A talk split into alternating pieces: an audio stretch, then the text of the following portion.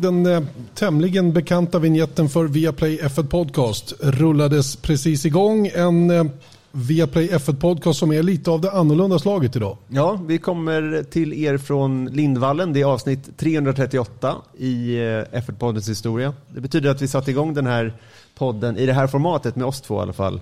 Med en eh, podcast per vecka, året om någon gång i augusti 2016. Mm, imponerande att vi orkar med varandra så länge. Mm, ja, jag orkar med dig i alla fall. Ja, det är väl mera så det är kanske. Eh, hur som haver så är det kul eh, och att vi är här på bodegan i Lindvallen gör ju att ljudbilden för er som lyssnar på den här podden på vanligt vis kanske är lite annorlunda men jag hoppas det är överkomligt i vilket fall som helst. Mm. Och så ska vi också nämna att vi har fått hjälp av Husky Chocolate att eh, sätta ihop den här livepodden. Vår första i historien. Tioårsjubileum. Just det, det var på tiden med andra ord. Mm, jag tycker det. Det kan säkert bli fler gånger. Jag vet att det är de som har haft önskemål om att vi inte skulle vara så långt norrut som den här gången. Då. Men vi kan ju liksom inte vara överallt hela tiden. Så eh, ibland får man vara här och ibland kanske vi är i Stockholm och ibland längre Men Stockholm söderut. är ju i Lindvallen just nu. Just det, ja, så är det. Bland andra. Ja, ja, ja, du tänker så ja. Med, med, eh, med eh, vårt kära sportlov som pågår. Och det är ju Stöckholmarna som vi säger då, som är här uppe just nu. Mm. Eh, vad innehåller programmet? Jo, men vi ska gå igenom stallen efter testet. De körde ett test i Barcelona här i förra veckan. Ehm, och eh, nästa gång de sitter i bilen nere på Sakir i Bahrain, den 10 mars. Ehm, och då sänder för övrigt eh, via Play det testet alla tre dagarna med oss bakom mickarna första dagen och dig och eh, Björn Wirdheim dag två och tre. Just det, det blir alltså tv-debut för kommentering för dig Erik. Hur känns det? Jag har kommenterat en gång, testkommenterat off-air så att säga. Och det bad jag de som liksom spelade in det där att förstöra omedelbart. För det var inte min, eh, det var inte min grej. Alltså. Det var inte det? Nej, men hur ska du klara åtta timmar tillsammans med mig då? Jo, men det är ju det är ingenting som händer. Alltså, det är inte så här, åh nu kommer det omkörning, du vet sånt där. Utan det är mer... Säg inte det, det kanske blir ruggigt spännande. Ja, men då lämnar jag det till dig bara. Jag är expert. det blir säkert hur bra som helst. Roligt med de här tre dagarna. Det är faktiskt första gången vi får möjlighet att sända de här testerna. Eh, många var besvikna att man inte visade det som hände i Barcelona, men jag tror att det var av två skäl. Dels besparingsskäl eller ekonomiska skäl. Eh, tv-teamet som sköter tv-sändningar från Formel 1 deras grejer är redan på väg till Bahrain eftersom race, första racehelgen är veckan efter den här andra testen. Eh, och dessutom så tror jag teamen behövde jobba lite, lite i fred faktiskt de här första tre dagarna. Vad tror du? Ja, alltså nu såg man ju att vi pratade om det tidigare, att vi trodde att de kanske inte skulle bygga upp alla sina liksom, stora motorhomes och sånt där, men de var ju där i alla fall. Så att jag, jag, är lite, jag tror mer att det kanske inte ville vara front and center, för de visste ju inte hur det skulle gå. Det var en jättestort reglementesförändring trots allt. Vi ska komma till det, men det var ju 2014 så var det senaste gången den här jättestora reglementesförändringen gjordes och då körde man 93 varv totalt, alla team, under första dagen. Nu kom man upp över 1100 varv, så det var ingen fara. Men det kanske var, du vet, hade det blivit jättekatastrof första testdagen och ingen kör, det hade inte sett bra ut heller. Nej, och, men, men framförallt tror jag att tv-grejen alltså var på väg till Bahrain redan och därav att man eh, valde då att göra på det här viset. Och det kan också vara så att Bahrain har lite king på att vara test, testställe men att man stoppade in de här tre Barcelona-dagarna. För nästa säsong då är vi nere i bara tre testdagar igen. Mm. Nu fick de ju tre extra då. Vilket jag tycker var klokt med tanke på då att det är eh, ett nytt reglemente. Eh, vi kommer att ha finfrämmande också om en liten stund. Vi har nämligen väckt upp Marcus Eriksson i Indianapolis. Körde ju Indycar premiär bara för någon dag sedan i St. Petersburg. Inte i Ryssland utan i Florida. Det var många som undrade över det mm. också mm. faktiskt. De borde ställa in. Mm. Men råkade det vara i Florida. Han gjorde väldigt bra ifrån sig. Hade väl kanske inte all tur med sig hela vägen, men han gjorde väldigt bra ifrån sig och vi ska prata mer med Marcus om detta. Och sen Erik, vi, ju, vi vill ju ha frågor idag, är det inte så? Jo, vi Ja, typ vill vi ha frågor. Eller vi vill ha frågor, men vi, jag är rädd för att vi inte ska kunna svara på dem på rak arm. Men det, det, får vi, vi får prova, helt enkelt. Det är klart att vi kommer det. Vi kommer att svara efter bästa förmåga. Det ligger en mikrofon här som kommer att vandra runt där. Så har man någon fråga, fundera på den redan nu. Och sen när vi kommer till den punkten, upp med handen, så kommer vi ut och så får ni vara med och prata i podden också. Det kan vara kul. Mm. Eh, det om detta. Då kör vi igång tycker jag med att eh, titta på den här testen då. Den senaste, eller den här första för säsongen som kördes. Du har redan redovisat hur många varv det blev. Eh, känslan efter att ha sett bilen på banan för första gången. Vad, vad är din initiala känsla? Ja, men framförallt så tycker jag att just med de här nya bilarna som man har sett på bild så himla många år. Att få, sen, sen fick man se bilder på dem, men just att se dem röra sig på banan var faktiskt lite så här förlösande i huvudet. Så att man vet hur, det, hur de kommer se ut. Sen så vet inte jag, jag tyckte att de skulle se så himla coola ut när man såg dem på bild och i väntan. Men nu, jag vet inte riktigt. Det är någonting som, jag tror jag måste bara vänja mig vid att se dem. Eh, för mig var det mer så här att jag hade trott att, för jag när jag såg den mockupen som, som, eh, som Formel 1 hade gjort och som visades på Silverstone eh, förra säsongen. Jag tänkte så oh, det här ser ut som en Månbas Alfa-bil, liksom en rymdbil som de har släpat upp till jordmånens yta och ska rulla runt med där uppe. Men nu när bilarna är byggda och, och faktiskt är skarpa så tycker jag att de inte är så olika det vi har sett tidigare. Det som stör lite grann kanske är de här flärparna på framvingen som sticker upp. Eh, de sitter ju där av en anledning men det ser inte så himla bra ut tycker jag sett det tidigare. Men det är också en vanesak. Eh, I övrigt så tycker jag det är en himla snygg racerbil och framförallt har vi fått bort den här raken så bilarna är platta igen. En racerbil ska vara nära marken, eller hur? Mm. Ja men de är nästan åt fel håll, eller liksom så att mm. de lutar bakåt istället. Det, det kanske är för att en, framvingen är lite högre än vad de varit tidigare. Men de ser snabba ut och de är ju snabba i de snabba sektionerna på en bana. Men de är otroligt långsamma i de långsamma sektionerna. Ja, det verkar så. De som var på plats och såg bilarna, eh, jag vet inte alla hur bekanta ni är med banan i Barcelona, men den har ju en väldigt varierad layout. Man får lite av allting när man är där och testar, vilket är en av anledningarna till att man testar där.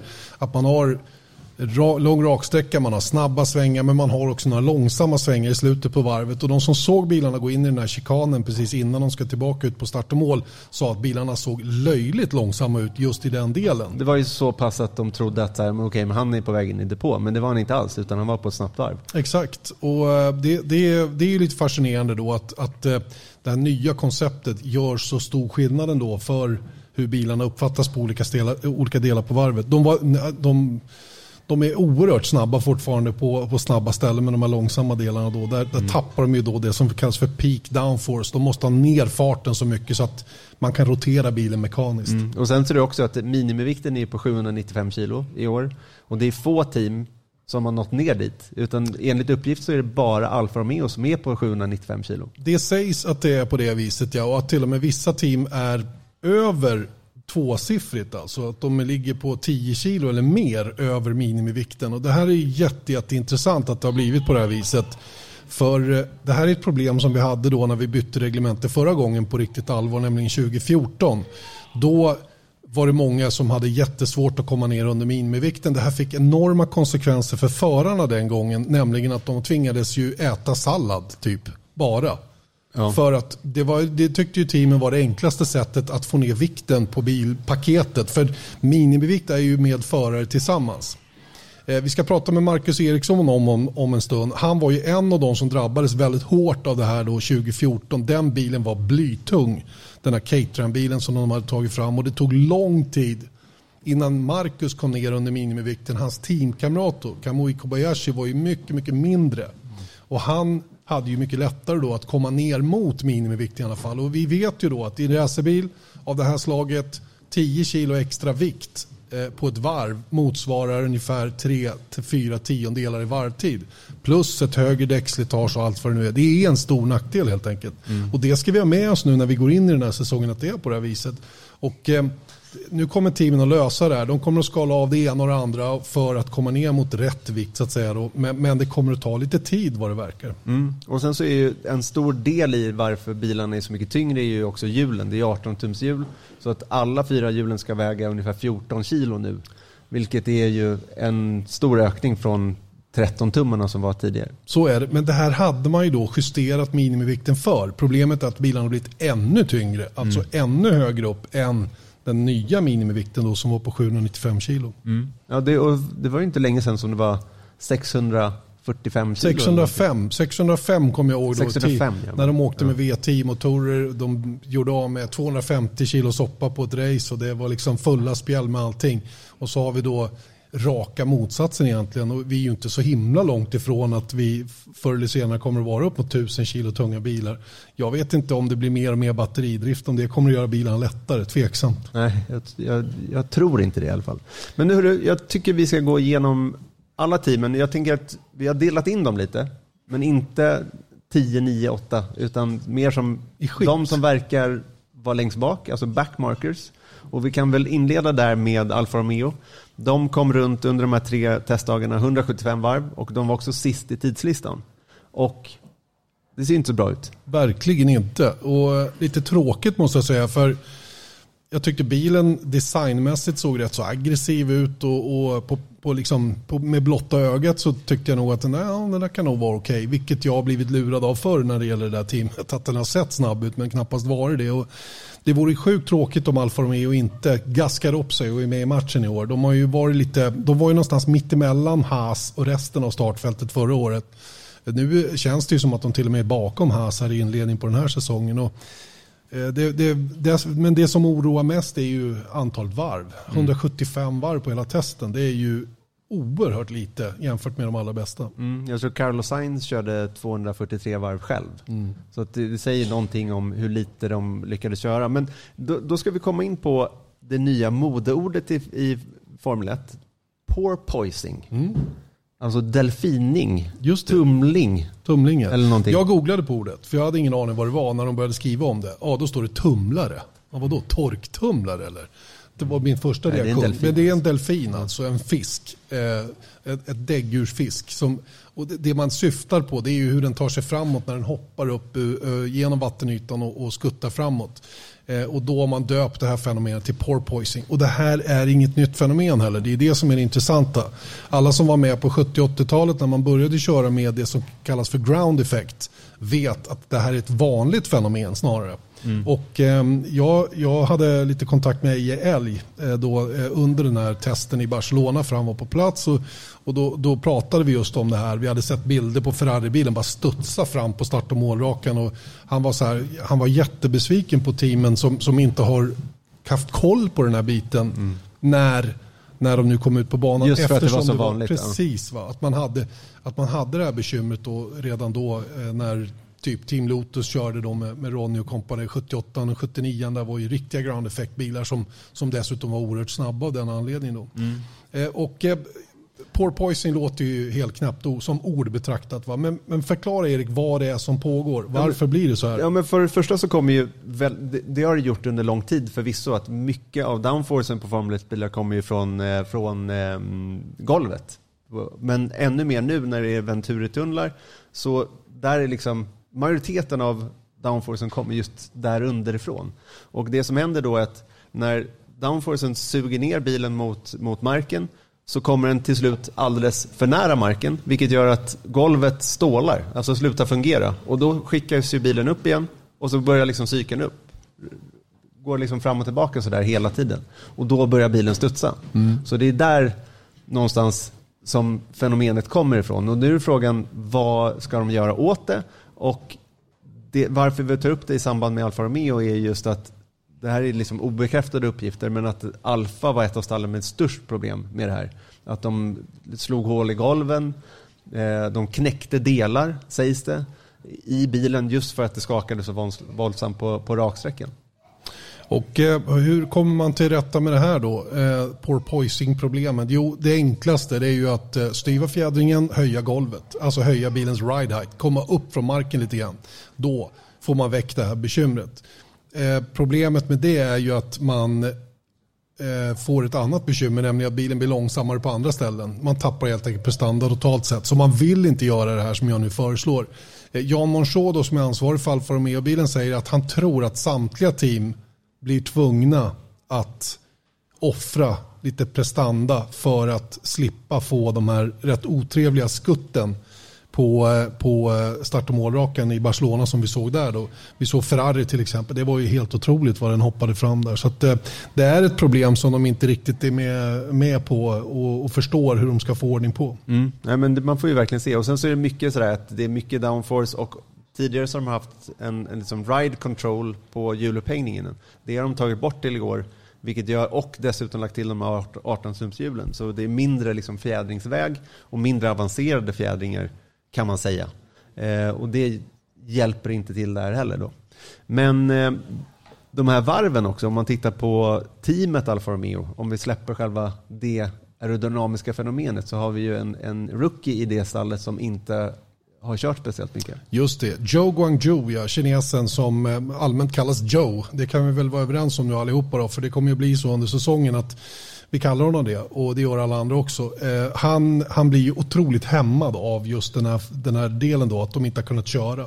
Eh, han behöver ju det, han behöver ju tvärtom så mycket mil det bara går. Mm. Ja, och Valtteri Bottas har ju kört ganska många år nu så att han har väl lite, jag menar jag tänker också bara på att komma in som rookie och vänja sig med allt annat än körningen i Formel 1 måste göra otroligt liksom, svårt. Och sen så om man dessutom inte har fått köra bilen tillräckligt så det är ingen lätt situation, det kan Nej. vi prata med Marcus om. Det kan vi göra om en liten, liten stund. Eh, mm. Marcus som är lite standby för att vara med här ifrån eh, Indianapolis om en liten stund. Men vi ska hinna med några team till. Haas-teamet, också nere i botten eh, och har hamnat i, i, i blickfånget av helt andra skäl egentligen, en brist på fart. Mm. Ja, de körde ju 160 varv, det var minst av alla stall och de var näst sist i tidslistan. Så de, de ser inte så bra ut rent så här.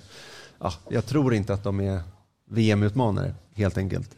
Men mycket kretsade runt Haas som sagt. Eh, Haas huvudsponsor är ju ett eh, företag som heter Uralkali. Det är ett ryskt kembolag då som är ägt av oligarken Dmitri Mazepin. Han är också pappa då till eh, deras, en Haas-förare som heter Nikita Mazepin. Det känner ni många till då. Men när så under den här testen, när Ryssland invaderar Ukraina, är Dmitri då på plats i Kreml för ett möte med Vladimir Putin. Det säger ju ganska mycket om var de här pengarna kommer ifrån och att det skulle bli problem för Haas därefter. Just av den här eh, sanktionerna och allting som följde därefter. Ja, det kom ju framförallt blev ju diskussionen huruvida Formel 1 skulle köra ett ryskt Grand Prix upp på bordet till att börja med och efter många om och men så beslutade man sig för att inte göra det. Under rådande omständigheter sa de så tycker vi inte att det är okej okay att genomföra ett ryskt Grand Prix. Eh, vad det nu egentligen betyder. Många tyckte att det här var otydligt. Eh, det, det, kanske det var, men samtidigt det var tydliga besked. Man vill inte köra i Ryssland. Sen formuleringen spelar ju egentligen ingen roll. Och jag vet, har hört från, från andra källor att Rysslands Grand Prix är off. Mm. Det, det, blir inget helt enkelt. Och det, och det, är, ju, det är ju bra det. Eh, och då kommer dessutom då nästa fråga upp. Hur ska ett, ett, team som Haas göra? Förstår ni situationen för Gene Haas som äger teamet som är amerikan? Mm. Och är från ur-Amerika, nere i Charlotte eller vad han håller till. Eh, i, i, i mellanskiktet där i, i, USA va? Och, och jobba inom, eh, inom verktygsindustrin. Eh, och så har han då tagit in den här ryska sponsorn för det har ju underlättat möjligheten att driva det här teamet framåt. Tagit in sonen till den som kommer med pengarna i teamet och så händer det här. Mm. Det första åtgärden de då tog var ju att ta bort Uralkali från bilen som sponsor och det var ju ett klokt beslut. Nu kommer ju nästa fråga. Hur ska de göra med föraren? Och eh, eftersom då eh, internationella olympiska kommittén häromdagen eh, nu eh, råder alla att inte låta ryska eller belarusiska idrottare tävla på någon nivå. Och i och med att eh, FIA har vissa kopplingar till internationella olympiska kommittén på vilket sätt vet jag inte egentligen. Men det, det, de har väl något samröre där. Mm. så innebär det att FIA blir ju tvungna att titta över frågan, vilket de gör idag faktiskt. Precis, för Ukrainas motorsportfederation, alltså det svenska bilsportförbundet har då bett FIA att blocka förare från Ryssland och Belarus och det är alla FIA-event. Det är inte bara Formel 1 då.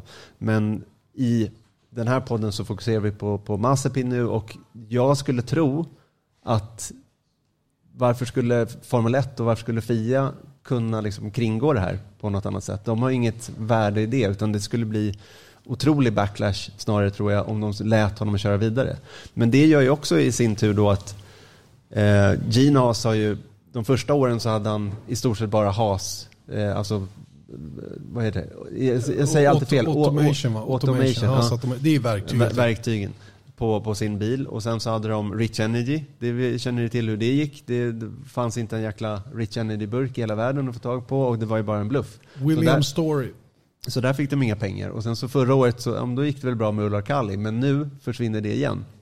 Så att hans eh, tid i Formel 1 har inte varit speciellt lätt då sett till huvudsponsorskap och få in pengar för den här eh, driften av, av stallet. Men det gör ju också att nu har de tagit bort Uralkali. Uralkali kommer ju därav inte betala Haas någonting, vilket gör då att Mazepin kan de ju skicka iväg för att om han inte får om de inte får betalt för då att han ska köra. Då kanske är tvungna att peta bort honom då. Ja, ja men absolut. Det, absolut. Men det blir ju, ja, även om de inte skulle vara det så är det ju liksom lite uh, vajsing här. Och då är det så här, var får Haas sina pengar ifrån? Ja, men som tur är så har ju Gene Haas inte tomt på kontot. Men det är ju en huvudbry i alla fall. Och jag skulle tro att Nikita Maspin inte står på startlinjen i Bahrain i mitten av mars. Nej, det är nog eh, det, det, är, det är samma känsla jag har faktiskt att det, att det är på det viset. Så eh, vi får helt enkelt se vad som händer runt omkring Haas. Eh, en, en detalj är ju att vi har ju en annan amerikan, Michael Andretti, som är väldigt, väldigt sugen på att ta sig in i Formel 1. Han försökte ju köpa Sauber utan att lyckas. Han har dessutom meddelat att de har lämnat in pappersarbetet för att ansluta som nytt eget team från 2024. Det har flyttat upp till ytan att i två års tid så har eh, Andretti, eh, i vilken form det vet inte jag, men de har i alla fall försökt köpa Haas-teamet i två års tid. Nu kanske den möjligheten kommer. Det är inte helt otänkbart faktiskt att Gene Haas säger att nu skiter jag i det här. Jag lägger, jag lägger det här på hyllan nu och eh, låter Andretti få ta över och köra i Formel 1 eh, istället för dem. Då. Mm. Samtidigt så tror jag att en person som, en businessman som Gene Haas vet vad han sitter på för värde. Just när han vet att en Michael Andretti som är jag menar, de är ju kollegor på andra platser i, i racingvärlden. Och att han då skulle driva upp det här och han vet att Michael Andretti behöver 200 miljoner euro för att komma in och ens få tävla i Formel 1. Och det är innan han gjort alla andra investeringar. Så att helt plötsligt så sitter ju Haas ändå på ett väldigt stort värde. Mm. Så jag tror inte att han ger bort det här Nej. av den anledningen. Och jag tror att med Formel 1 på uppgång så är ju värdet av ett Formel 1-stall det, det, kan ju bli lika... minst, minst 200 miljoner euro. Ja, absolut. Det ska han absolut ha. Mm. Men säkert lite mer då. Ja. Men varför vi nämner den siffran det är ju vad det kostar att anmäla sig till Formel 1. Det är det Formel 1 kräver av en nykomling. Det är 200 miljoner euro i upfront-pengar som ska vara kompensation till de övriga tio teamen för att det kommer ytterligare ett och är med och delar på återvinningen, eller återbäringen snarare, som man får ifrån mm. ifrån Formel 1 normalt sett. Mm. Nåväl, det om Haas då. Vi får se vad som händer runt omkring Andretti. Vi, vi kör vidare. Mm, jag frågan är om vi skulle sitta här och vänta på oss. Marcus sitter och väntar på oss. Ja, men ska vi inte... Ska vi ropa på honom? Vi, vi Tror på... att han är vaken då? Vi får väl se. Marcus Eriksson, god morgon. Nej. God morgon, god morgon. Ja, han är där. Eh, hemma i Indianapolis, eh, precis mm. nyuppstigen, fått en eh, svensk eh, kopp kaffe. Gevalia, nybryggt. Mycket, mycket bra. bra. Mycket bra, mycket bra. Välkommen till Lindvallen. Ja, tack, tack. Eh, dåligt med snö i Indianapolis. Jag hoppas det är bättre uppe i Lindvallen. Mm. Lindvallen har gått om det och du är, du är inte helt främmande för att vara här, eller hur? Nej, men jag brukar vara där uppe i, runt, eh, runt nyår, eh, nästan varje år. Eh, så, så det, är, nej, det är trevligt. Det är kul där uppe. Eh, du har smyglyssnat lite på diskussionen här. Ehm, Tufft läge naturligtvis för de här teamen längst bak. Eh, vi pratade tunga bilar och var inne på att du hade ju problem med det här då 2014 att er bil var för överviktig. Nu verkar ju nio av tio team sitta med en för överviktig bil. Hur går snacket i teamet när det här inträffar? Lägger man all, allt jobb på er förare? Ja, men ja, för, för oss då 2014 så var det ju att då blev det ju tokbantning för, för min del. Och jag hade ju lite missflyt och var teamkamrat med den lättaste killen i fältet, Kamui Kobayashi, som vägde typ 50 kilo. Så det var en stor nackdel för mig. Eh, men, men det som är nu, om inte jag misstar mig, så, så är det väl fortfarande att det är en sån här minimivikt med förare och eh, att de måste väga 80 kilo. Och om du inte väger 80 kilo får du vikta eh, stolen, eller vad man ska kalla det. Eh, så så sätt så blir det väl bara teamen som kan, eh, kan jobba på att försöka få ner vikten på, på, på bilarna helt enkelt. Och det är ju väldigt mycket kostnader i att, att hitta eh, saker som, som gör att vikten kommer ner. Det kommer jag ihåg när, när jag var i F1 så var det alltid eh, få, få bort vikt från bilen är en stor pengafråga. Eh, och känner du till vad man kan jobba med för att bli av med de här kilorna extra? Eller är det, är det, liksom, är det för djupt in på ingenjörsnivå? Nej, alltså det, det var ju allt egentligen. Det var ju allt på bilen att kolla på. Vart kan vi hitta gram? Eh, och, och, så liksom var det ett pusslande. Så, så det var inget så specifikt eh, område som jag skulle, vad jag kommer ihåg i alla fall, utan det, det var liksom överallt på bilen som man, eh, man letade efter vart man kunde hitta eh, saker som gick att göra lättare. Det var därför de, de fokuserade på er förare. För jag, jag minns, jag var ju med dig i, eh, hos Caterham under försäsongen 2014. Där du körde simulator och så gjorde vi ett reportage. Och så står vi i lunchkön så kommer jag ihåg att du tog typ ett glas soppa och ett salladsblad och sen stod du och valde om du skulle ta, du tog liksom tre oliver. Och sen så var det att du valde så här, men kanske en fjärde, nej, jag, hopp, jag, jag tar tre oliver. Det var liksom på den nivån för dig på, på den tiden, så det är ganska stor, väl förspänt dagens förare har. Ja, men absolut. Det var, det var inte riktigt hälsosamt och eh, jag har väl lärt mig ett och annat sen dess också att, eh, att det var väl kanske inte så smart. Eh, även om teamet sa att jag skulle göra allt för att bli lättare så blir det liksom inte... Eh, som idrottsman så blir det inte bra att svälta sig själv. Så, så, så det blev väl kanske lite tokigt. Men, eh, men så var det. Det är som sagt, eh, när det kostar miljoner och miljoner och man köper ett team som Caterham som har ungefär noll kronor på, på, på banken så blev det ju Eh, det, det, enda sättet att kunna göra bilen lättare var ju att föraren gick ner i vikt. Så nej, det var, det var ingen kul situation, det, det kommer jag ihåg. Men, men, en sak som de skulle kunna göra det är ju till exempel att ta bort vatten. Ni, du körde ju ett Singapore Grand Prix utan att dricka någonting. Jag hörde att eh, Rinus Wike hade kört utan dricka i, i, i söndags i, i, i St. Petersburg och det var någon som påpekade det för mig. Ja, men vad är med det då? Så Mackan körde ju utan vatten i hela Singapore Grand Prix. Men det, är ju, det kan ju vara ett kilo. Och det är inte helt oviktigt ja. för teamet. Nej, men exakt. Om du räknar in både vätskan och hela systemet så blir det ju några kilon. Och, eh, ehm, så jag, jag, körde väl egentligen mesta, de flesta av mina racingformer rätt genom åren körde jag utan dryckessystem just för att ja, tjäna två kilo eller vad det var, två och ett halvt kilo. Eh, och försökte träna istället och vara liksom i så pass eh, bra form som möjligt.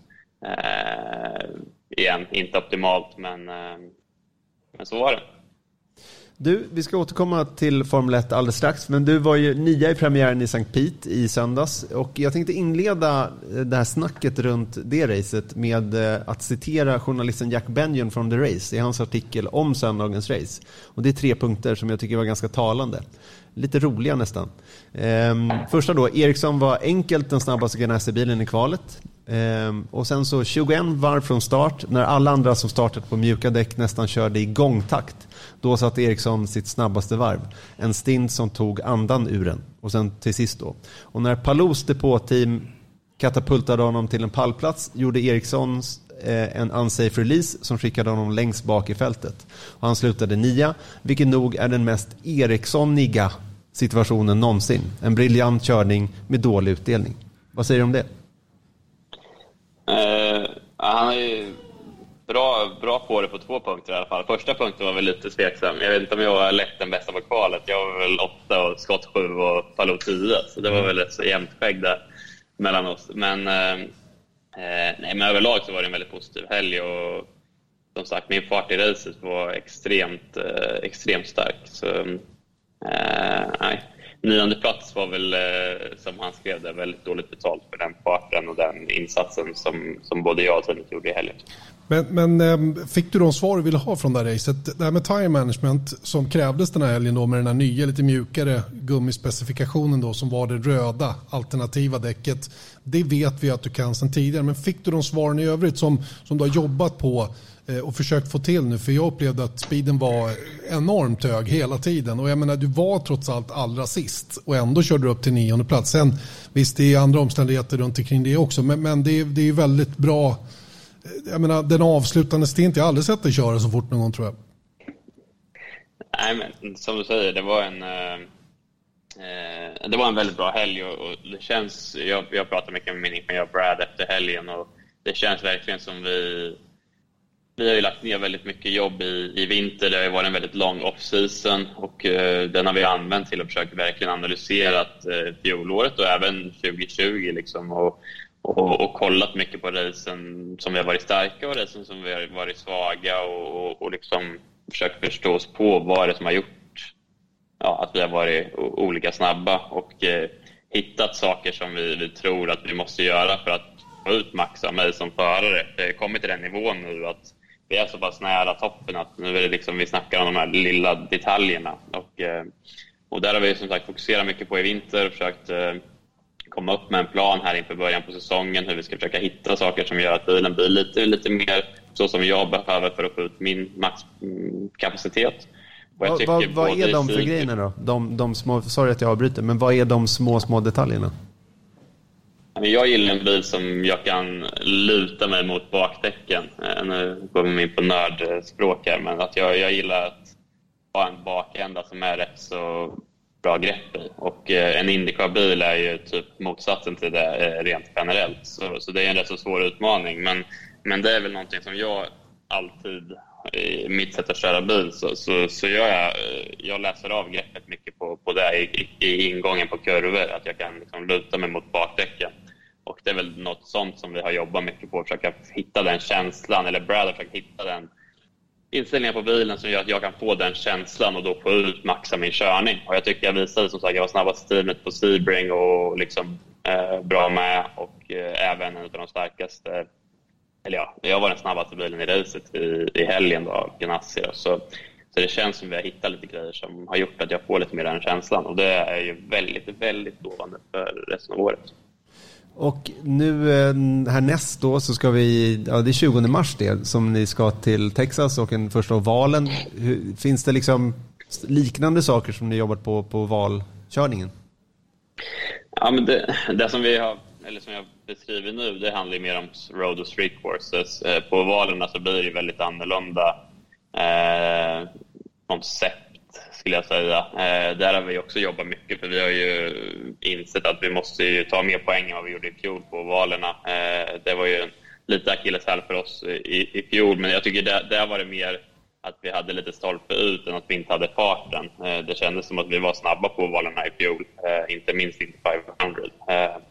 Men, men det är klart att där måste vi få ut mer poäng och eh, vi har ju en test nu redan nästa vecka på just Texas så vi kommer kunna jobba lite på, på vår eh, fart på just ovalerna. Så det kommer bli intressant och eh, jag känner väl själv också liksom att jag, jag har utvecklats mycket genom åren på ovalerna och känner att jag har bra fart på ovalerna men jag har inte fått med mig så mycket resultat från de racen. Så det börjar bli, bli dags att ta lite stora poäng där också. Mm.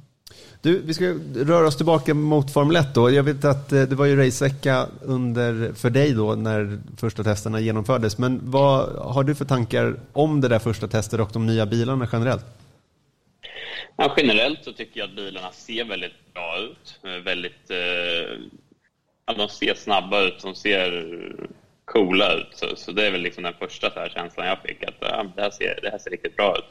Eh, kanske aningen stora för min smak. Det hade varit, ja, om, om, man kunde göra dem lite mindre så hade jag kanske gillat det. De, de känns som att det blir större och större bilarna hela tiden. Eh, men, men överlag så tycker jag väldigt snygga bilar. De ser snabba ut som sagt. Eh, sen är det som, som alltid lite svårt att läsa av tester. Eh, men, men det verkar väl som att eh, Ferrari ser rätt så, rätt så okej ut, eh, vilket är positivt. Eh, och eh, Mercedes verkar, och Red Bull verkar vara med där framme också. Då, så, eh, men som alltid som sagt svårt att läsa av från tester.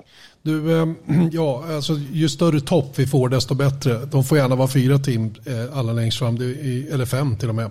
Eh, du körde ju fem år av försäsongstester i Formel 1. Eh, det här fenomenet runt att Eh, man pratar ibland om att teamen sandbaggar eller man, man kör aldrig för fullt så att säga. Vad, vad är det man gör under testerna egentligen? Vad är det man försöker ta reda på om man nu inte kör för fullt? Jag har alltid funderat, man vill väl köra bilen för fullt för att veta vad den klarar när man kör för fullt så att säga. Men riktigt så enkelt är det inte. Nej, men dels så kör man alltid med eh, en viss eh, vikt med bränsle. Eh, vi kör alltid oftast runt 40 kilo bränsle i bilen. Ibland 30 30 när vi skulle köra lite mer eh, kvalsimuleringar. Medan i, i ett riktigt kval tar du ut allt bränsle liksom och kör så bilen så lätt som möjligt. Eh, jag har alltid, mm, och, och det vet jag att typ Mercedes alltid var ryktet att de körde 50-60 kilo åtminstone eh, hela tiden på testerna.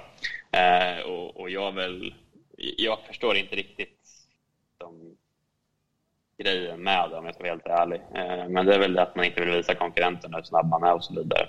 Eh, men det är väl mest det. Och sen är det såklart på motor, motorsidan så är det väl inte, du vrider ju inte upp motorn till max eh, oftast utan du har ju lite, lite sparkapital där. Då. Eh, så det är väl de, de grejerna som man mest eh, håller igen på. Och sen rent generellt på sådana här tester så har man ju väldigt, väldigt eh, eh långt eh, programmet med grejer man vill göra, ett test, testschema helt enkelt. Och det följer man ju väldigt noggrant. Så man är oftast inte ute efter att hitta varvtid, utan man är oftast ute efter att skanna olika inställningar och sådana saker och olika delar som man kan ta med ja, från fabriken till banan och så vidare. Så det är ju det, är det som mer är grejen på tester, att försöka skanna av grejer än att hitta ultimat varvtid.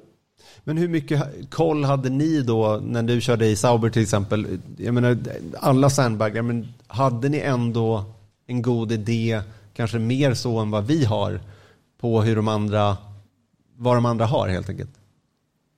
Ja, men, men det man gjorde mest eh, för att se vart man stod sig mot konkurrent, konkurrenterna var att man kollade inte så mycket på eh, bästa varvtid. Man kollade, försökte hitta eh, de längre stintarna. Då kunde man läsa av lite mer. Ja, men den här då borde de haft så här mycket bränsle för de körde si så många varv. Och då kunde man läsa av lite mer och då jämförde man, för man vet ju själv hur mycket bränsle man hade i när man gjorde längre runs och då kunde man se liksom snittfarten på dem och då så sätt se mer vart du står gentemot konkurrenterna. Så det var alltid, kommer jag ihåg, på F1-testerna. Det var sättet att se vart du står mot konkurrenterna. Var hittar de här längre runsen. Då vet man att det är eh, lite mer, ja du vet vart de andra är på både däck och bränslemängd. Och det kunde vara både kul och inte så kul att få reda på det. Absolut, ibland kunde det se väldigt bra ut på, på bästa varvtiden men sen när man kollade in lite mer kontakt, lite djupare så var det kanske inte lika roligt längre. Nej. Jag minns Stefan Johansson sa någon gång att när, på den tiden när han tävlade så var det så här, första varvet, då visste man om det blir en snabb säsong eller om det blir en väldigt långsam sådan.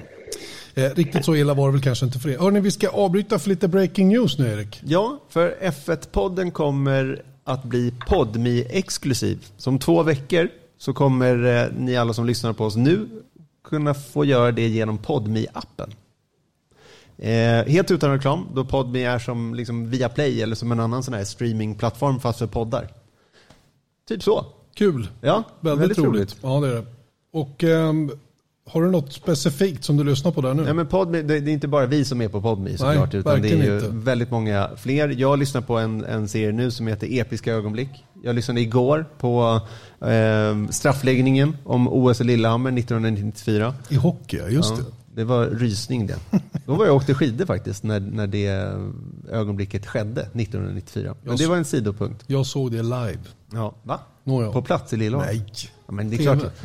Hur tror du att jag såg det? Inte vet jag. Du var ju åkte skidor säger ja, okay. Men i alla fall. Eh, men ännu större är såklart att det här samarbetet eh, möjliggjort en sak. Och det är nämligen att du, Marcus Eriksson, ansluter till F1-podden som permanent F1-expert. Eller hur? Jajamän väldigt roligt. Mm. Jag gillar ju att köta med, med er och köta om, om Formel 1. Så, så det, det, känns, äh, det känns superkul. Jag vet inte om du hörde det, men det var en som applåderade här inne i rummet. Ja. nu, nu, nu. Nej, jättekul Marcus att du kommer vara med oss hela säsongen och förhoppningsvis flera säsonger framåt. Hur känns det då att djupa ner sig? För det kommer ju att krävas att du kanske blir lite djupare i dina analyser av det som händer. Ja, men jag, jag är ju som sagt fortfarande aktiv, men jag kollar ju på Formel 1 såklart och följer det noggrant och har ju ändå väldigt färsk erfarenhet därifrån. Så så, så sätt så känns det som att, ehm, eh, att jag förhoppningsvis kan, kan tillföra en hel del till, eh, till analyser och sådana saker efter tävlingar och så vidare. Så nej, det ska bli jättekul och som sagt, det är, det är spännande säsong nu med det här nya reglementet och och liksom följa, följa allting. Så det ska, bli, det ska bli roligt. Och totalt sett så har du kört 97 fler F1-race än vad jag och Janne gjort. Så du borde klara ja, det, kan man inte tro. Det kan man inte tro när man hör er ibland. Nej. Exakt. Ja, ja, vi tar den gurkan eh, med ena handen här bara. Du, eh, du ska få några lyssnarfrågor också. Vänta, vi... vi... ska också säga då att här, i och med det här samarbetet med Podme så är vi kommer vi bara finnas där på Podme. Så det är bäst att ni laddar hem den här podme appen alltså P-O-D-M-E på App Store eller Google Play Store och kolla in vad som finns där. Och eh, så kommer vi dit den 15 mars. Just, tillsammans med Marcus. Alltså. Just så är det. Och eh, där kommer vi att stanna förhoppningsvis under lång tid. Eh, hur som haver då. Eh, Eriksson, innan vi släpper dig och, och låter dig ägna dig åt frukostbestyr. Eh, Anna Norling ställer frågan till dig. Så här, saknar du Formel 1? Och i så fall vad saknar du? alltså, det är klart man man saknar det till viss del. Formel 1 är ju ändå liksom kungaklassen och, och det var väldigt eh, roligt att vara en del av det. Eh, vad specifikt? Jag vet inte, det är svårt att säga. Eh, det är väl hela, hela grejen just med Formel 1 och, och, och liksom vara en del av det eh, som, som man kan sakna ibland. Och just det här att resa runt världen över och köra i världens största cirkus på något sätt. Det är, det, det är någonting med det som är oslagbart på sitt sätt.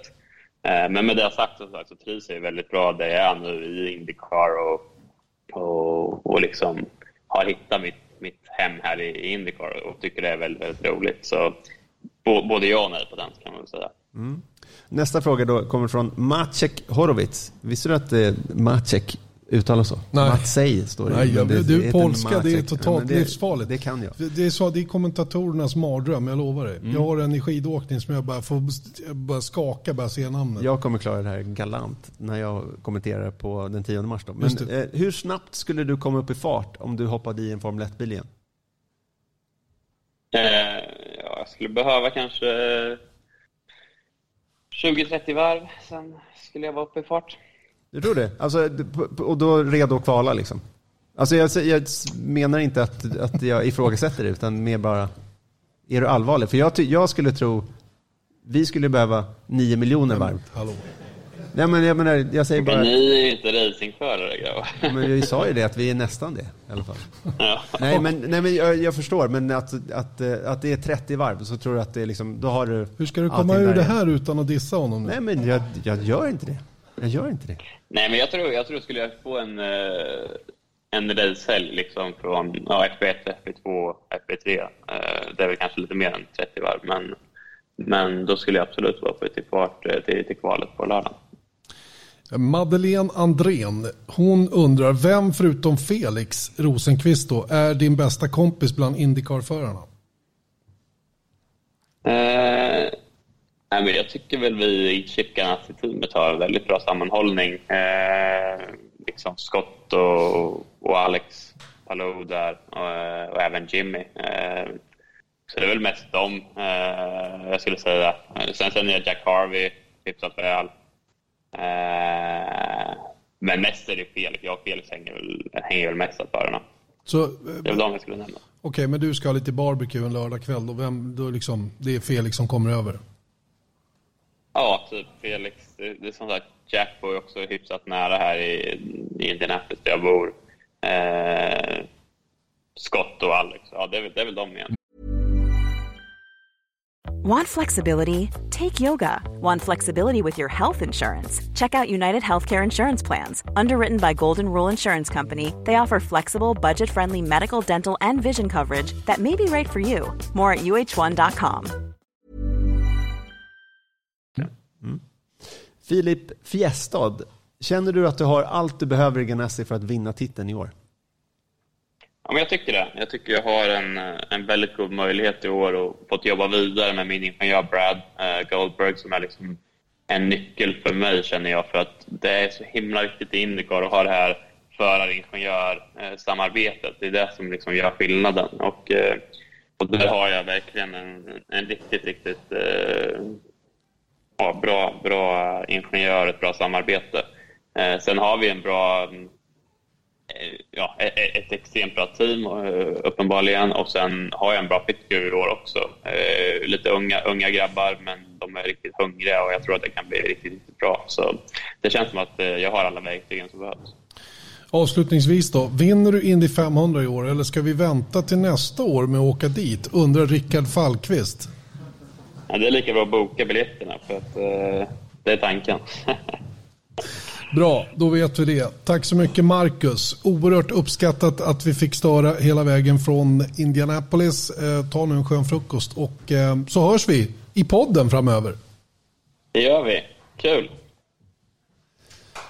Ja, han får en liten applåd, Marcus Eriksson. Det är bra, då måste vi fortsätta själva. Ja, hur ska Ja. det gå? Ja, men det kommer gå bra. Nu ska vi, tidigare innan Marcus så pratade vi om, om the backmarkers och nu har vi kommit fram till mittfältet och där har vi då fyra team, tror vi. Och eh, vi kan väl börja med alpin. Eh, de satte åttonde tid, de gjorde många varv men hade också kanske det största tekniska haveriet eh, under testen när motorn rök för Alonso under sista dagen. Ja, det är lite svårt där med alpin. De, de, eh, det är inte så att man um, tänker så här, oj, för att de, de är ju ändå ett fabriksteam. Det går liksom inte att komma bort ifrån att de har hela koncernen bakom sig och tanke, hela deras tanke med att vara med i Formel 1 är att vinna. Mm. Eller hur? Det måste det ju vara. Och, och, jag känner inte att de har tagit det klivet utifrån vad jag har sett nu. För det här var ju verkligen möjligheten till en omstart. De har gjort stora investeringar i Enstone där fabriken ligger och jag menar allt var upplagt eller är upplagt egentligen för att komma upp på nivå typ Ferrari, Red Bull, Mercedes. Mm. Där de ska vara om, om, om de ska göra det som de själva förutsatt sig. Och det tycker jag inte att de har klarat. Och nu har vi sett dem i tre dagar med den här nya bilen men det borde ha sett bättre ut. Ja, men alltså, vi har dem inte i toppen. Alltså inte bland de fyra toppteamen som vi tror är där nu. Sen så är det såklart, som du också säger, att det finns väldigt mycket kvar att se innan man kan fälla ett avgörande. Men det är just den där grejen att det var inte så att de...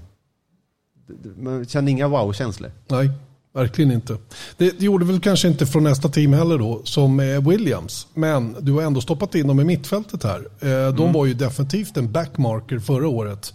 Nu är de i mittfältet som du säger det, eh, eller i alla fall har redovisat. Och de gjorde framförallt många varv. Mm. Och det tror jag är jätteavgörande för hur bra det ska gå i år. Mm. Verkligen, de körde 347 varv, vilket var fjärde bästa stall då, sett till lap count. Då. Och det, det är väl mer att de har ju varit hopplöst efter under så många år. Och nu så tycker jag att det finns, på samma sätt som att det finns ingen anledning för mig att sätta alpin i toppen, så finns ingen anledning att sätta Williams i botten heller.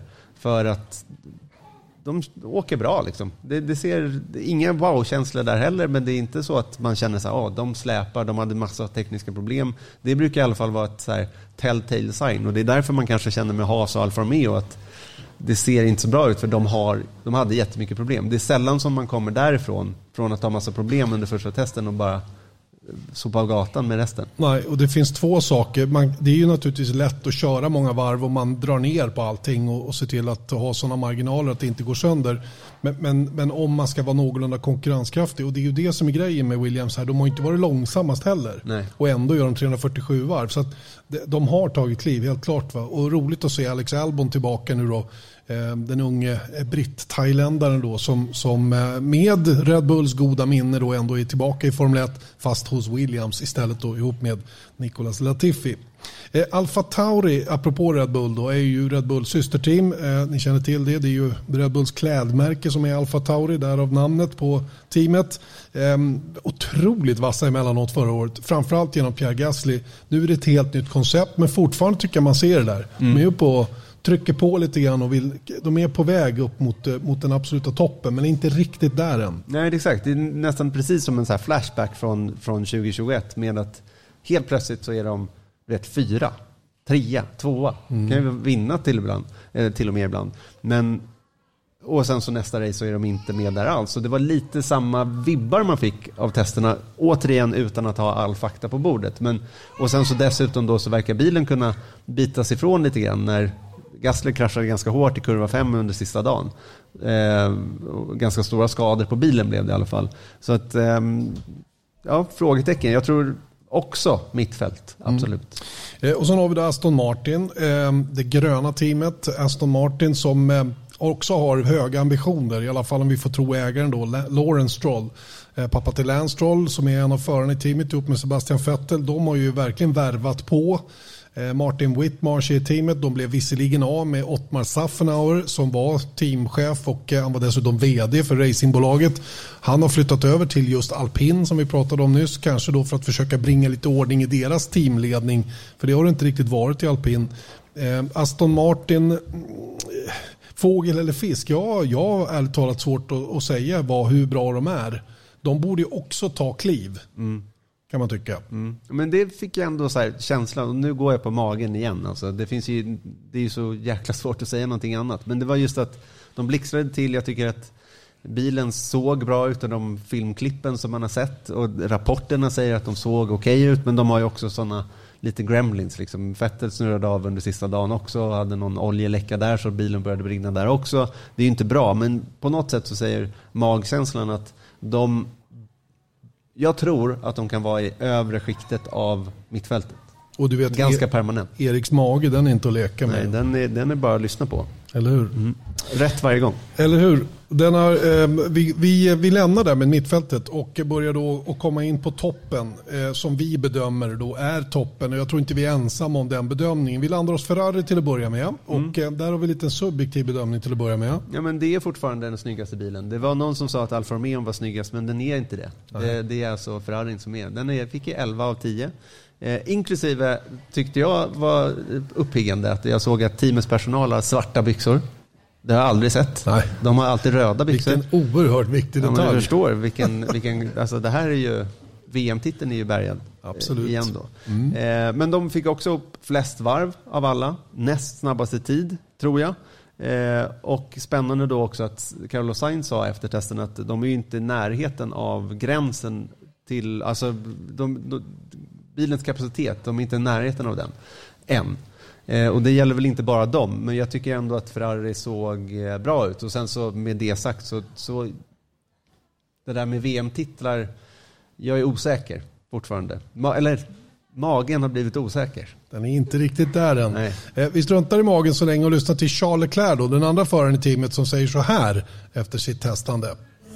Uh, well, feeling uh, feeling reasonably good. I mean, uh, we've done all the tests that we wanted to do, which was the most important thing uh, we, we, we wanted to do during this test, doing as much mileage as we could, and uh, and we did without major problems. So it's uh, yeah, it is a positive first test for this, and in terms of performance, nothing to say for now.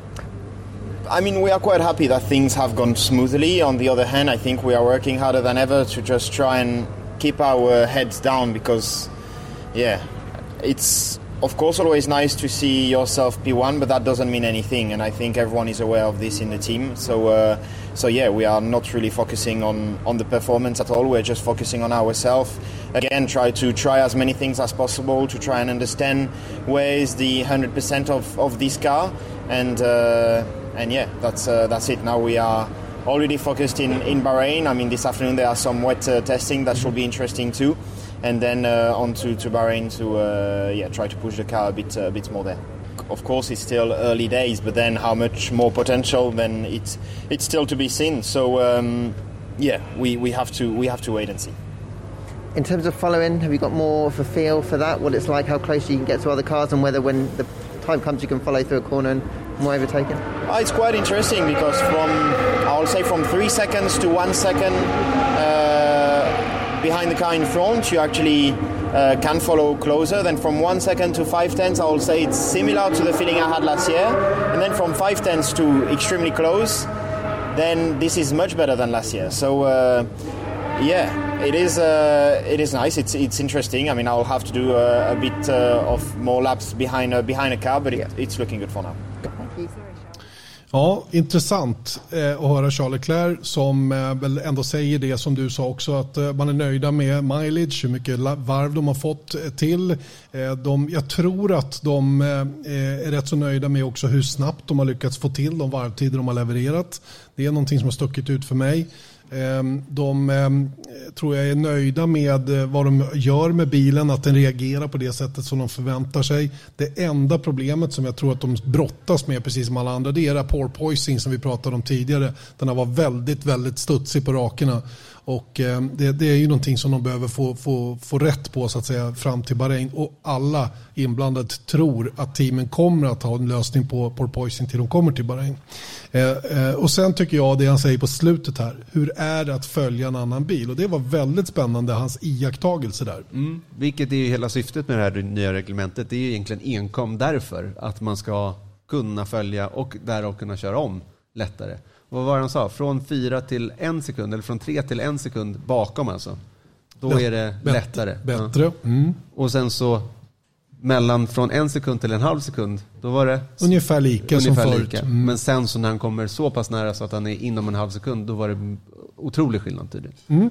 Så var det. Och det, det tyder ju på att det här funkar då i så Ja, fall. enligt Charlie Leclerc i alla fall. För det var ju flera som testade det här med att ligga nära en annan bil. Och Vi kommer att höra andra säga kanske inte riktigt lika tydliga. De är inte lika tydliga i sina åsikter. Eh, du hade en annan intressant notis angående ljudet också. Ja, och det var från folk som var på plats. Ehm, och jag är inte helt säker på det. Jag tror inte att de har kört liksom med decibelmätare just från den här sidan. Men det var tydligen generellt sett under de här tre dagarna så hörde de som var på plats att Ferrari-motorn lät högre. Alltså den hade starkare ljud, starkare ljud helt mm. enkelt från motorn. Eh, och att Red Bulls motor hade lägst ljud signifikativt alltså, av alla. Och det, svagast ljud. Ja, svagast ljud. Ja, samma sak. Ni, ni fattar vad jag menar. Eh, men det skulle då i så fall kunna tyda på att Ferrari har en mer uppskruvad motor och kör mer power och Red Bull har sandbaggat på det, på det sättet med sin Honda-motor som heter Red Bull Powertrains Just det. Limited. HCR, en HRC-motor. Mm. Honda Racing Company. De är fortfarande med Honda. Ett tag var det ju sagt att de inte skulle vara med alls. Men de är i allra högsta grad med och kommer att vara med så länge som den där motorn körs nu fram till och med slutet på 2025. Eh, vi hoppar vidare då. Tittar till McLaren som eh, också är ett sånt där team som eh, kommunicerar väldigt mycket att de vill framåt, de ska uppåt, de ska bli snabba. Och det är det ju många som naturligtvis säger. Men jag tycker ändå att McLaren tar de här små, små stegen och ganska fundamentala stegen hela tiden och vann ju till och med race förra året. Mm. Frågan är hur nära de kommer att vara i år. Vad tror du? Ja, men, alltså, jag tycker de ser bra ut helt enkelt. Det är, det är ungefär så långt man kan sträcka sig. De hade ju minst problem med det här med porpoising. Eh, men på något säger mig samtidigt att de inte är hela vägen upp på liksom Mercedes Red Bull level på något vis. Jag tror att de är jag tror att de är närmare men inte hela vägen fram. Låt oss höra vad Daniel Ricciardo har att säga om det hela. Pretty good, yeah, pretty good. Uh, it was, yeah, I mean, in terms of like speed, it's. I don't really get too caught up in it. I think, and I probably speak on behalf of all the drivers. You know, you testing is you just don't know. You don't know what everyone's doing, so um, don't look too much at the times. But of course, it's nice to be towards the top of the page and the bottom. But uh, in any case, still, uh, you know, your Red Bulls, your Mercs, they haven't showed really anything yet. So um, we'll see. We'll see what happens when that all, when everyone kind of opens up a little more. But uh, for now, focusing on ourselves, it was good day. Plenty of laps, reliability strong, pretty comfortable in the car. I think just trying to figure out still where we're. I think I know our strengths already, so we're just trying to now work work on the weaknesses from from a driving and a setup point of view, and yeah, lots of information to uh, give the team now, but uh, pretty good day. And like you said, it is early days, but do you feel the MCL 36 is more suited to your driving style? Um, it's early days, early days. So I don't want to say like yeah, definitely, and you know it's. Uh, you know, I think there's there's definitely some things in the car which which I like, and I think it does do well. Um, but there is still there is still some. I don't want to say weaknesses because that in a way sounds harsh. It's only day one, but there or day two, but uh, day one for me. But there is still some things which I know we can work at improving. So uh, yeah, I'll keep feeding back and uh, try and get there. But uh, I definitely feel with the regs and everything we were expecting to slow the cars down.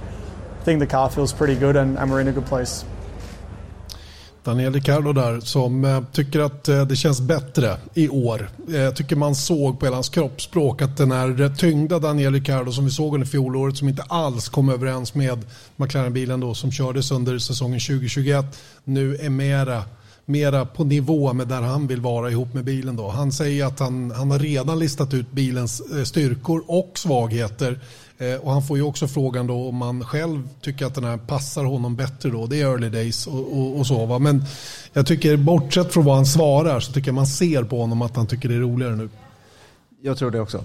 Och jag hoppas det för honom. Jag tror att eh, han och Lando Norris kommer vara ett starkt team oavsett. Nu kommer vi då till Mercedes och Red Bull, eller Mercedes mot Red Bull, eller Red Bull mot Mercedes. För att om man tittar på tiderna dag tre, två Mercedes i topp, trea, fyra, två Red Bulls. Olika däckblandningar dock, va? Ja. som jag kommer ihåg det. Mjukare för Mercedes än för Red Bull. Absolut, men det är ju ingen vidare chock. Och det vi kan konstatera med det här då, eller utifrån det vi kunde utläsa från de här första tre testdagarna, är att de inte har tapp, verkar ha tappat bollen i minsta fall. Det var ju farhågan då när man, när de hade den där jättefajten dem emellan då hela vägen in på målsnöret i fjol. Att man då skulle då ha tappat resurser för att uppdatera och utveckla till 2022. Det tycker inte jag att det verkar som att de har några problem med. Eh, och det gör ju då att vi naturligtvis vill höra eh, representanter från de här båda teamen och eh, Lewis Hamilton var väl inte jättesugen att bli intervjuad. Han har ju trots allt kommit tillbaka och kör i år i alla fall efter allt som har hänt. Men däremot så fick vi tag i George Russell. Yeah, always nice to uh, jump back in the car. It's just really intriguing this test. Obviously, new car, new tyres, different dynamic out there. I think you can see quite some substantial issues with some of the cars uh, in the straights and the and the bottoming. Uh, so this is a a compromise we need to find to, to go quickest around the lap, and it's something I don't think any teams have experienced before. But we're seeing some interesting things out there, so that's what testing's for. Some teams are looking pretty fast. Um, a red team and an orange team in particular look um, very very competitive. So let's see what tomorrow brings and what we can do between this test and Bahrain. Where do you think the silver team sits among the red and the oranges? Um, certainly not ahead. That's pretty pretty sure of that. They they seem to have things well under control and they're, they're on top of everything and they look very strong, low fuel, high fuel, and with the time management. So. Um, who knows? We, we, all know that we're on different uh, different programs, but we we definitely know from from the average of all of the different runs, we're we're behind them at the moment. So let's uh, let's wait and see. Uh, championships not won in in Barcelona winter testing, but it's certainly been an intriguing two days for now. Talk to me about the bouncing. What does it feel like in the car? Um, I mean, we didn't experience it too much um, because yeah, for, for, one reason or another. But it's it's not very pleasant at all, and it, it, would be a from what I've seen of other teams in particular, it would be a, a, safety concern. So that that does need to be sorted one way or another. But there's a lot of intelligent people up and down this grid, and I'm sure. Everybody will get on top of it sooner than later. In terms of following other cars, have you spent much time that close to feel what it's like and whether you pull out and it makes um, I have. Um, but it's again, it's, it's difficult to say for now. We'll get a true read next year, and we're obviously not in race mode. You know, we're not going to go crazy when we're right up behind cars. I'd say it is an improvement. How substantial? Again, we'll have to wait and find out. Mm, han är inte lika um, övertygad om att det är lättare att välja en annan bil, men ändå. Tack. Jag ska få lite vatten här. Um, att det är en, en förbättring i alla fall. Men det som jag fastnar vid är det här lustiga i att han menar stensäkert att Mercedes står efter ett rött team och ett orange team. Alltså Ferrari och McLaren. Och eh, all data som de har tyder på det. Och det är så lustigt på något sätt att de gör allt verkligen för att snacka ner förväntningarna på sig själva. Ja, och man kan ju alltid undra varför. Det här med sandbagging har aldrig varit jag har aldrig liksom fattat varför. Det blir ju förr eller senare uppenbart i alla fall.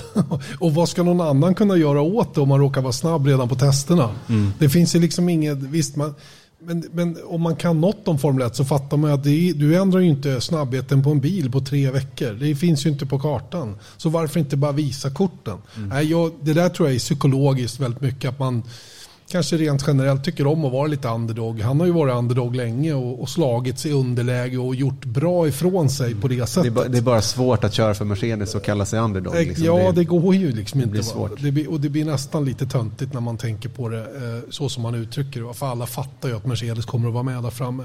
Och detsamma gäller väl egentligen Red Bull. Va? Det är ju ingen som det är ingen som tror att de kommer att ha tappat en massa till den här säsongen utan alla förväntar sig att de är skitsnabba. De visade upp en bil som var en, en mockup egentligen och sen så kom de till Barcelona med en väldigt, väldigt speciell inskärning vid, vid eh, sidepods där kylan sitter på bilen och, och, och många liksom, oh wow, nu är Adrian New i farten igen. Va? Och, och, vi får väl se lite grann var de står. Men, men eh, det är ju samma här då, om vi lyssnar till Max Verstappen så, så är ju han också lite sådär försiktig minst sagt.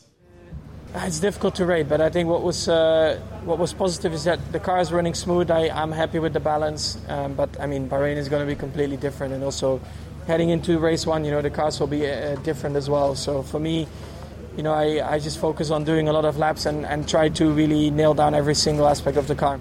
Are you starting to feel quite comfortable with this new generation of car now, or is it still going to take a fair few more days before you feel like you're comfortable? No, I think it's fine. I mean, the car runs really well. Of course, in general, the weight is a bit up, but I really enjoy driving the car. Um, it has a nice, stable balance, and I think they look cool as well. So that's always nice to, to jump into. And what about following? Did you get any more experience of that today, or was it the disruption not really? Uh, I followed a little bit more, and I, I do think the following improved. Uh, but you know, let's wait and see till race one because then you will really see you know everyone on the same tires, equal fuel. But I, I do think it, it is a step forward. I know it's difficult to talk about performance, but George was saying yesterday the red cars, the orange cars were looking quick. What's your kind of read of what you've seen out there? I don't know. I don't really pay attention to, to the lap times yet. I, um, we'll look into that in Q3 in, uh, in Bahrain.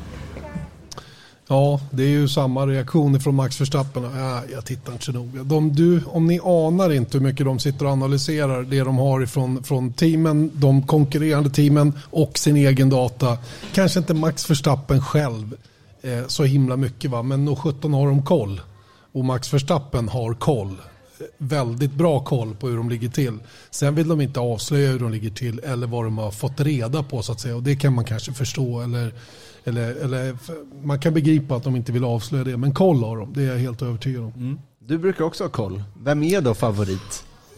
Det är, det, är, det är omöjligt att inte säga Mercedes eh, som favorit. För mig är de favorit. De före Red Bull? Före Red Bull måste jag ändå säga. Jag tycker att de, eh, de visade under fjolåret också vilken, eh, vilken oerhörd styrka de har in, in i teamet. Att, att komma tillbaka hela tiden. och knyta näven i fickan. Va? De är mycket bättre än andra, andra team på just den biten. Eh, de är också väldigt, väldigt bra på att läsa och tolka reglementen och göra det på ett bra sätt och har gjort det hittills. Varför skulle de inte göra det med årets bil? Ehm, jag, jag, jag tror att George Russell, han, ehm, han eh, överdriver åt fel håll. Så jag tror de är bättre än vad han beskriver att de är. Jag hoppas dock att eh, toppen är bredare än så. Att vi har Mercedes, Red Bull, Ferrari jag ser jätte, jättegärna att Ferrari är med där uppe också och är, blir en, ett orosmoment för de här två eh, senaste årens giganter. Och varför inte också McLaren? Det vore eh, väldigt roligt om McLaren också var med i matchen tycker jag. Det, det, det skulle pigga upp något oerhört om, om eh, vi fick en, en sån blandning på, på täten. Nu har jag hållit på med Formel 1 för länge för att, för att tro att det kan bli så, men hoppas kan man alltid göra. Mm. Jag tycker man kan nästan sammanfatta allt det här om man då blickar framåt mot Bahrain och Saudiarabien och första racen. är någonting som Mattia Benotti sa, alltså teamchefen för eh, Ferrari. Alltså den som kommer, eller det teamet som hittar rätt, mest rätt, fortast, de kommer ha en fördel i början av säsongen. Mm. Och det kan vara egentligen vem som helst. Men sen då sett över säsongen så tror jag också på, på ditt stalltips där, Mercedes, Red Bull, kanske Ferrari. Mm. Ja du, vi har eh, pratat mycket och länge. Vi har passerat timmen. Eh, vi utlovade ju möjligheten till er att ställa frågor till oss. Ni som sitter där på Lindvallen, på bodegan Lindvallen, där vi alltså spelar in. Eh, mikrofonen hade vi hos någon. Sofia kommer med den och levererar till Jens som sitter där. Så får han då eh, ställa frågan rakt ut i eten. Varsågod. Hej Erik och Janne. Eh, jag har en liten fråga och det gäller HAS. Det började vi förvisso med. Men vi pratade om de tråkiga politiska och ekonomiska delarna. Men Haas kom ju in för ett par år sedan och stökade om rätt så rejält i, i fältet och, och placerade sig ganska snabbt bra. Ehm, för att sen med tid har fallit lite bakåt i fältet. Men de sparade väl på de här tokens som det kallas va? För att kunna komma igen och satsa eh, till i år. Var det inte så? Vad, vad tror ni om deras möjligheter? Har de lyckats med en teknisk utveckling? Kommer de att kunna vara kanske inte med toppen, men kommer de vara tillbaka där och kunna slåss om en femte, sjätte plats som de faktiskt var en gång i tiden? Eh, bra fråga. Eh, så här är det. Jag, jag, tror att Haas frös alltihopa egentligen när pandemin startade. Då la de bara ner. Eh, det, det, de gjorde inte mer än det absolut mest nödvändiga under hela den här perioden eh, från 2021 och 22. Så den bilen de hade 19, den, den är i princip samma de har använt under 2021 också. Och det har vi ju sett på resultaten som har blivit sämre och sämre. Eh, jag tror att de till i år har kraftsamlat. Det har hänt saker inom teamet. De har eh, tagit in en massa före detta Ferrari-ingenjörer som var tvungna att lämna Ferrari då efter med det nya budgettaket. Eh, det är fler före detta Ferrari-ingenjörer nu än det är Dalara-människor. Dalara som har varit den tekniska parten för Haas så, så att eh, i den bästa av världar så tror jag att de skulle kunna ta ett kliv. Vi vet hur det såg ut 2018 som jag vet du refererar till då när de höjde på ögonbrynen på många av oss när de var skitsnabba då i Barcelona på testerna och var riktigt, riktigt vassa i inledningen på säsongen. Fick vi kanske inte fullt betalt för den farten men om de skulle göra något liknande i år, nej det tror jag faktiskt inte. Jag tycker inte de såg tillräckligt förberedda ut i Barcelona för, för detta. Eh, och eh, med de här problemen som de nu kommer att få, både ekonomiskt och med, med eh, samröret med Ryssland, så, så, tror jag inte att Haas eh, kommer att göra det där jätteklivet framåt som jag hade hoppats, precis som du, att de skulle göra. Vänta. Så, fortsätt. Har de inte halkat lite för långt efter också? För jag antar att det är ett antal steg man behöver komma. Om man är som Mercedes och sånt, det är ju med de här tokens man har så kommer man kanske lite snabbare fram och kunna få lite fart. Har man kommit för långt bak, kanske, även om man har sparat sina tokens, är för långt bak för att hänga med i utvecklingen. Ja, fast de här ut, utvecklingstokens de var egentligen bara användbara under mellan säsongerna 20 och 2021. Nu är det ju helt nytt allting, så nu har man ju börjat från scratch. Precis som alla andra. Det var ju ett blankt papper till den här säsongen. Eh, problemet har ju varit då att, att eh, det snarast har saknat medel under den här perioden när man skulle förbereda årets säsong. Men det är ju det de liksom har sparat sig till. Så, så på pappret så borde de ha lyckats väldigt, väldigt bra med att komma tillbaka och, eh, och kunna vara med och slåss om det i, i längre fram i fältet till i år. Men, men som sagt, jag är, jag är tveksam till om de kommer reda ut det. Men jag tror att du kan ha rätt i det att ett stall som Haas kan ha fallit tillbaka sett till investeringar och sånt som själva stallet gör på eh, hemmaplan till exempel i deras fabrik och sånt där. De har fortfarande, tror jag, typ bara 250 eh, personer anställda vilket är ett väldigt litet stall i Formel 1 mått mätt. Och den där eh, delen de har i USA den är ju mer Ja, jag vet inte ens vad de gör där. Så att det är ju i Banbury och sen så har de ett tekniskt samarbete med Dalara. Så att just Haas har ju inga egna liksom, resurser så att säga. Som till exempel ett team som Sauber har. De har jättestora faciliteter med egna vindtunnlar, eh, egen kolfibertillverkning och sånt där. Det har inte Haas på samma vis. Sista. Ja, en sista fråga också. Eh, någonting helt annat. Eh, vi vet ju att Felix Rosenqvists dagar för att köra Formel 1 kanske är förbi. Eh, det är väl i alla fall en liten chans att se honom, tyvärr då. Eh, jag håller honom lite som favorit. Men vem är nästa svensk i Formel 1? Kommentarer på det? Ja, jag tror, just nu det är ju väldigt svårt att säga, för men jag tror att den som är liksom mest på väg in mot Formel 1. Jag menar, vi har ju Linus Lundqvist och Rasmus Lind och alla de som försöker i Formel Bils sfären såklart, men de ju, har ju nästan hoppat av Formel 1-spåret för att satsa på Indycar istället för att det är lättare att, att ta sig in där. Men det är ju Dino Beganovic som ändå är en medlem i Ferrari Driver Academy. Så han är stöttad av Ferrari. Det är ju aldrig negativt i, i hans liksom, stadie i karriären. Nu är han väl 17 år gammal, så att jag menar, han har ganska långt kvar att vandra och kanske att resultaten kanske inte har Eh, liksom spraka till än heller. Men återigen, han är 17 år. Så att jag tror att om det är någon vi ska hoppas på just idag är det väl Dino Beganovic. Mm. Ja, jag är tyvärr väldigt pessimistisk kring möjligheterna till en, en, en svensk i Formel 1 på, inom rimlig tid i alla fall, så som det ser ut. Det är så pass litet nålsöga för att ta sig in i F1 helt enkelt. Eh, vår frågemikrofon vandrar vidare med snabba och raska steg till, vem då? Hej, Johan Jakobsson. Eh, först vill jag tacka för en jättebra podd och det har varit extra kul att få se er live här idag. Eh, jag skulle vilja hålla mig kvar hos Haas där. Eh, om Nikita Mazepin inte får köra nu, vem kommer sitta i den bilen? Eh, Günther Steiner, bra fråga. Eh, Günther Steiner som är teamchef eh, har ju eh, uttryckt eh, så här att eh, Pietro Fittipaldi eh, är ju den som är deras reserv och det är han som är första valet om det nu skulle bli en lucka. Men jag tror inte vi ska räkna bort möjligheten att få se Antonio Giovinazzi tillbaka i, i Formel 1 om det nu skulle vara så att Nikita Mazepin inte kan köra. Eh, Antonio Giovinazzi är ju Ferraris allt i allo. Han, han är ju deras reserv. Han finns, fanns på plats i Barcelona under testerna. Han kör visserligen Formel E, men skulle chansen att bli kallad upp i Formel 1 igen, då tar han den direkt. Det kan jag garantera. Han var väldigt besviken över att missa möjligheten att få köra vidare med Alfa Romeo. Så jag tror eh, faktum är att jag tror att Giovinazzi ligger före eh, Pietro Fittipaldi om det skulle bli på, allvar, alltså skarpt.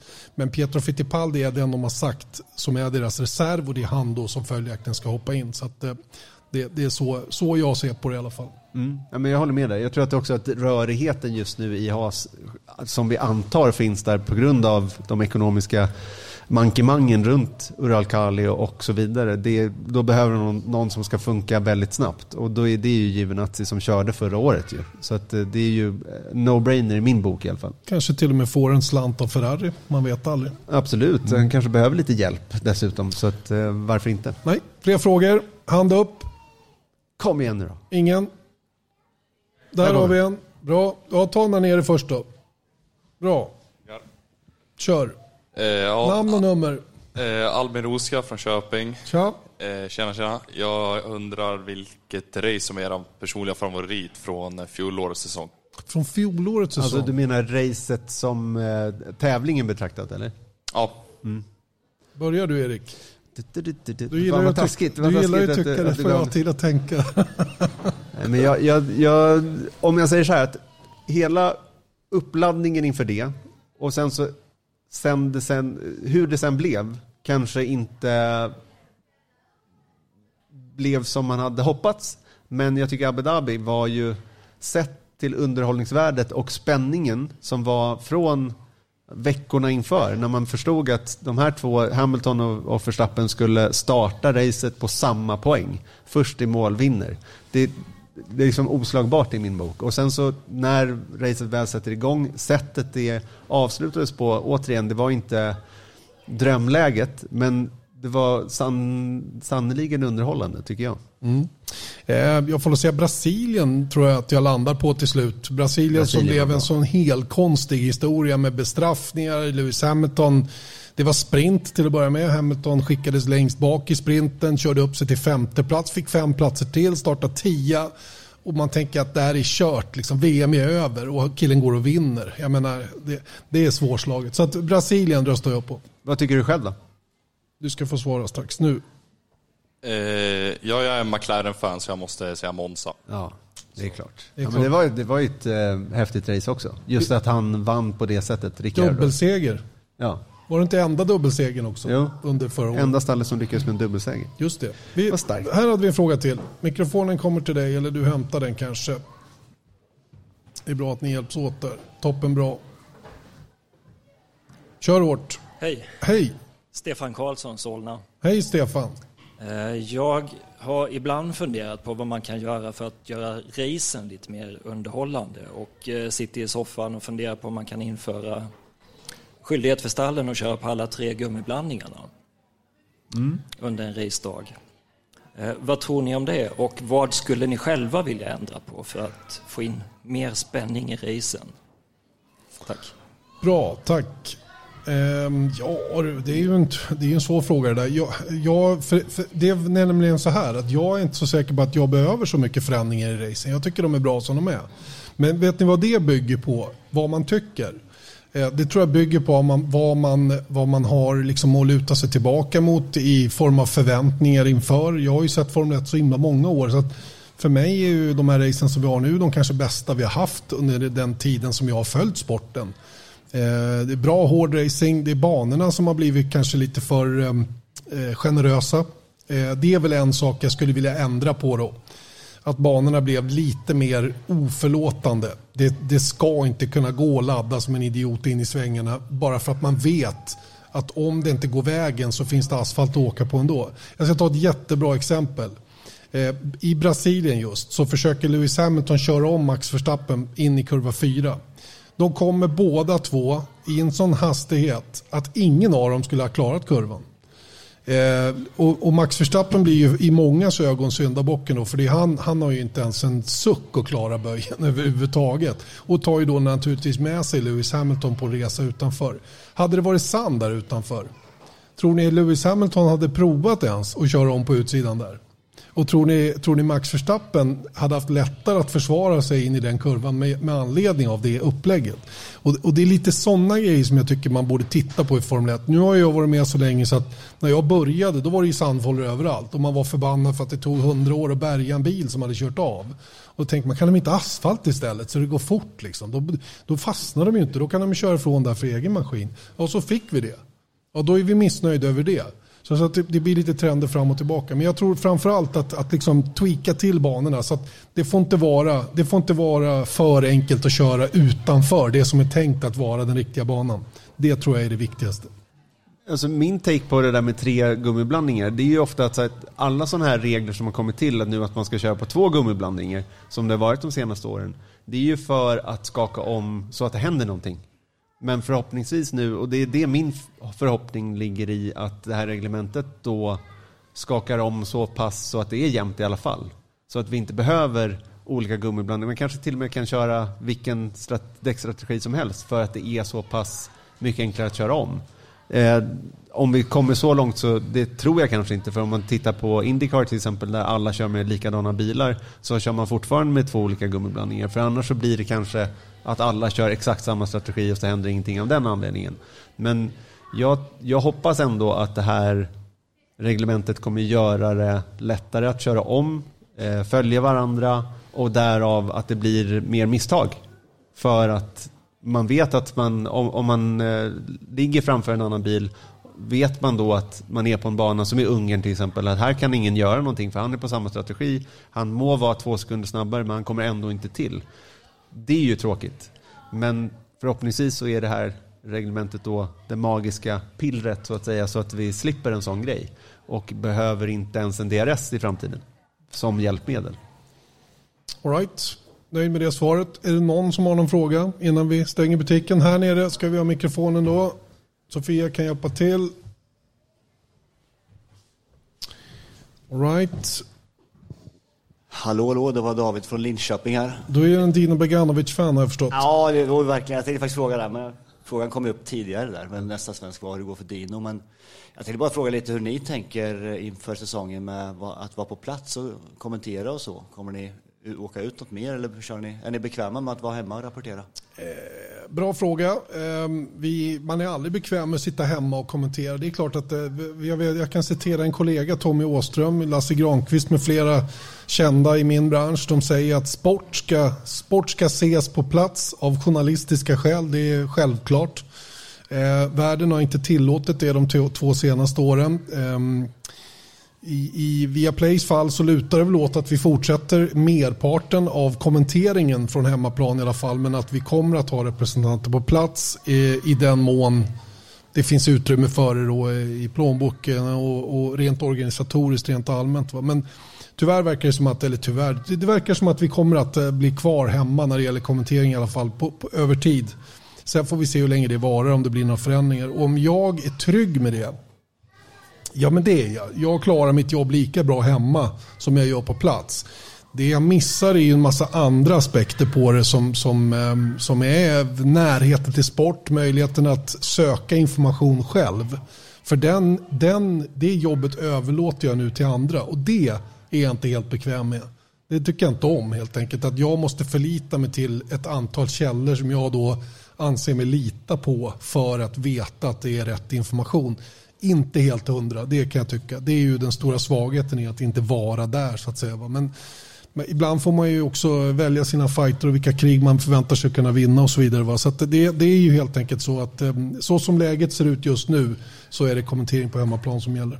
Med det sagt så har ju Viaplay eh, storsatsar ju till i år och framöver eh, och kommer ha eh, stort crew på plats med eh, ja, Mika Häckinen och David Coulthard och vem är det mer? Tom, Kristensen. Eh, och sen då att vi kommer ha svenska representanter på plats också i form av Björn och, och Rickard också. Så att det är inte så att eh, närvaron är något fel på generellt, men däremot eh, kommenteringen är ju inte... Ja, men den svenska närvaron generellt har ju gått ner, så är det ju. Det, ja. det, är, ju, det är ju ingen tvekan om och det, det är ju det är en tråkig utveckling, men så är det. Men precis som Erik säger, vi får ju ett, ett, ett lass av andra saker istället just till den här säsongen. Det är väl bara idag som, eller om det var igår, som Viaplay Holland, Viaplay Nederländerna startar och går live. Och då förstår ni själva vad storsatsningen kommer av och varför.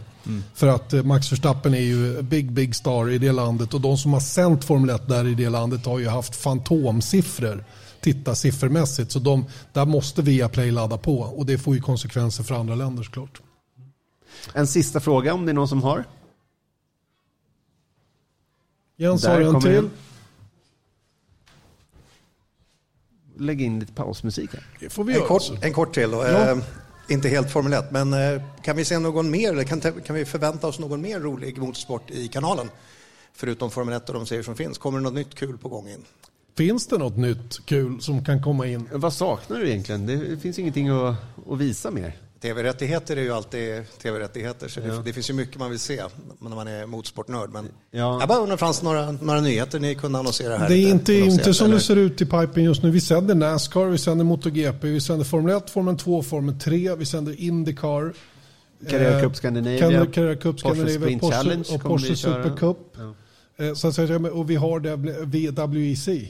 Eh, Och vi säljer IMSA också i år. Ja. Så jag, jag, det, är liksom, det finns banne men inte himla mycket. Det finns kvar. inget på önskelistan. Det fi- ja, inte, hos, inte hos mig i alla fall direkt. Det ska ju vara någon mindre klass med svenskt. Jag menar Ladino kör i frekar. Och, men jag menar det, det, man måste ju också ta in grejer som folk verkligen sätter sig och kollar på. Och det, där tror jag vi har täckt in det som finns faktiskt. Och hör sen. Ja. Tack och superkul att ni gör det här live. Det, Ja. var, det, det, det måste ni göra fler gånger. Det tycker vi också. Vi ska försöka med det. Mm. Och stort tack för, till alla ni som var här och alla som lyssnade hemma. Eh, vi får hoppas att vi återkommer. Det gör vi. Vi tar och rundar av.